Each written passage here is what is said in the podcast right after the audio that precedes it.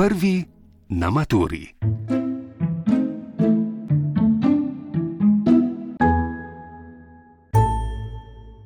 Na splošni maturi za angleščino je del izpita pisno sporočanje. Izpitna pola 3a na osnovni ravni vsebuje Pisni sestavek v eni od stalnih sporočanskih oblik 120 do 150 besedami in daljšega 120 do 250 besedami. Na višji ravni pa mora biti krajši pisni sestavek dolg od 150 do 180 besed, daljši na temo iz književnosti pa od 250 do 300.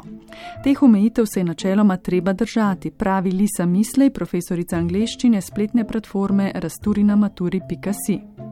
Ja, tako je, neke omejitve morajo biti, ne sploh za take teste.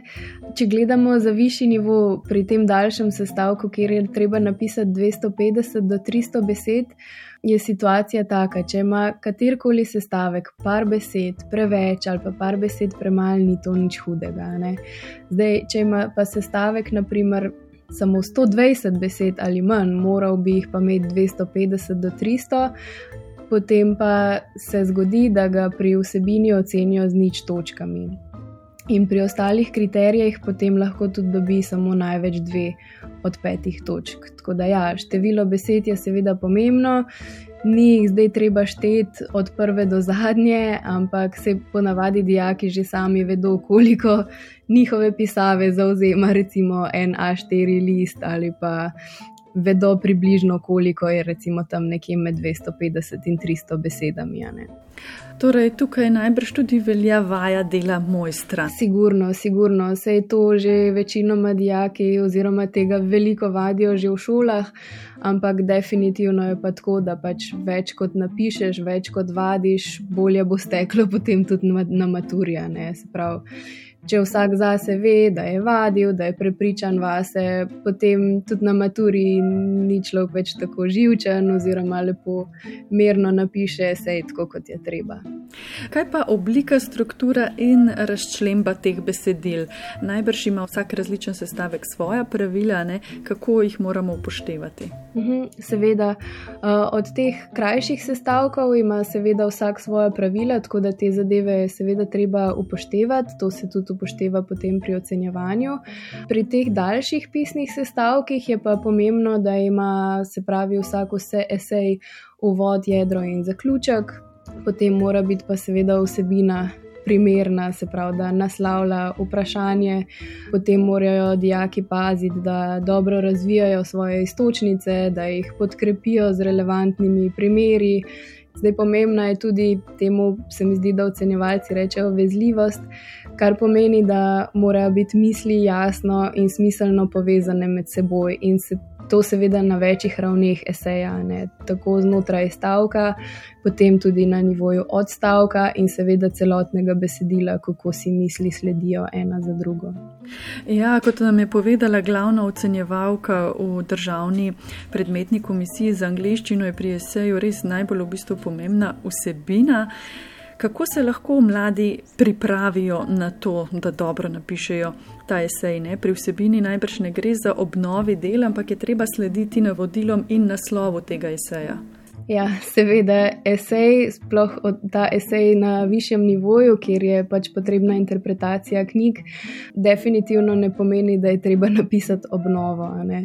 Jaz mislim, da je velik del eseja že pred dejanskim pisanjem, torej planiranje ker se mi zdi, da veliki, veliko dijakov misli, da ti to v bistvu vzame ful preveč časa, da, da preveč planiraš na začetku, ampak v resnici ti ga lahko veliko tudi prihranja, ne? sploh če si znaš vnaprej nekako pametno splanirati. Tako da to tudi pomeni, da te vmes ne more recimo zanest, pre, da bi se ne vem preveč razpisal v enem odstavku ali pa podobno, ker veš, kaj si napisal, kaj moraš še slediti, kakšne argumente boš uporabil. Tako da to je zelo dobro nekako zadržati ta fokus, sploh pri teh daljših esejih. Seveda je pa treba potem paziti, ne, da je iz eseja razvidno, da dijaki zares dobro in poglobljeno poznajo ti dve besedili, potem pa še te klasične zadeve, ne, da uporabljajo raznoliko besedišče, jezikovne strukture, da uporabljajo ustrezen registr, sestava, torej uvod, jedro in zaključek, da so misli lepo povezane med seboj in tako naprej. Vedno se je pametno vnaprej malce pripraviti, že samo zato, da si vnaprej nekako razčistimo pri sebi, v katero smer želimo iti, kakšne argumente bomo uporabili, se spomnimo mogoče primerov iz knjig, kdaj in kje bi jih lahko uporabili. Tako da definitivno se je pametno si vzeti par minut na začetku, da se umirimo, razmislimo in potem začnemo s pisanjem. Kako dobro pa je treba poznati vsebini obeh literarnih del, se pravi na višjem nivoju angleščine za ta daljši sestavek, to sta letos živalska farma in gospodar muh. Jaz sem prepričana, da v šolah obe te dve knjigi obdelujejo že kar nekaj časa, tako da če so dejaki do zdaj poslušali v šoli, so verjetno že precej dobro pripravljeni in dobro poznajo obe knjigi. Je pa seveda nujno, da so pač prebrali obe knjigi in tudi nujno, da so jih prebrali v originalu, torej v angleščini.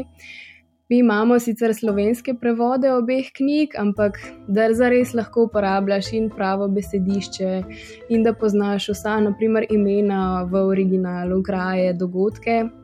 Zato je pač potrebno poznati knjigi v angleščini. Zdaj obstajajo tudi filmi, ki so posneti po obeh knjigah, ki mislim, da se dijaki radi tega poslužujejo. Ampak mislim, da bi vse ni treba posebej poudarjati, da ogled filma ne velja isto kot prebrana knjiga. Zdaj pa, če se mogoče dotakneva še vsebinskega dela, ne? kje vi vidite povezavo med obema deloma, kje so bistvene razlike? Uf, o tem bi, bi lahko na dolgo in široko govorili, ampak če mogoče samo tako na hitro uh, povzamem. Obe knjigi tukaj opisujeta neko človeško oziroma živalsko naravo v situaciji, ko ni več neke tradicionalne oblasti. Seveda pa vsaka to prikazuje na malo drugačen način.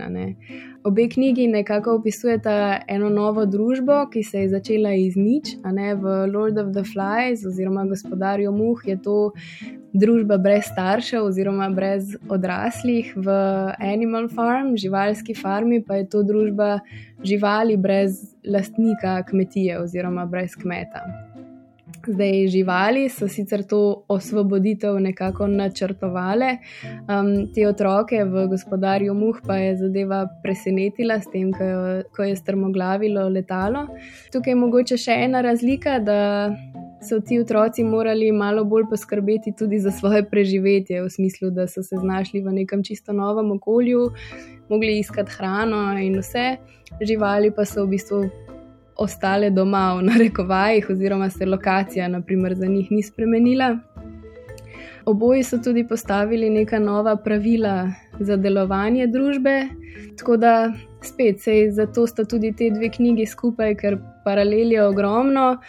Te paralele lahko vlečemo tudi naprimer, med protagonisti, antagonisti, oziroma nasplošno med liki, ne jih primerjamo v knjigah, teme, motive, ki se pojavljajo, dobro, zlo. Tako da materijala za interpretacijo tekstov je, je kar precej. Kakšno vprašanje pa se ponavadi znajdejo v tem sestavku, eseju? Eh, gre za iskanje paralel ali pa nasproti, ali se osredotoča bolj na eno delo? Ja, zdaj, če pogledamo nazaj, jaz sem šla tudi gledati malo stare mature.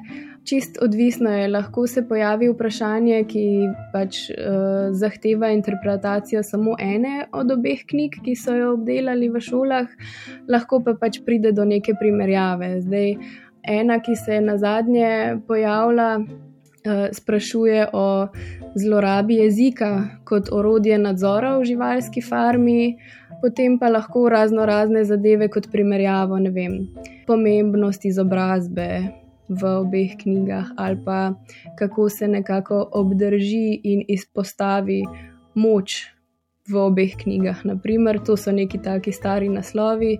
So pa to vseeno, vse zadeve, ki nekako jih dijaki že obdelajo v šoli s profesori, se mi zdi, da kar pokrijejo no, te, te glavne paralele in razlike, ki jih je res treba poznati. Ne.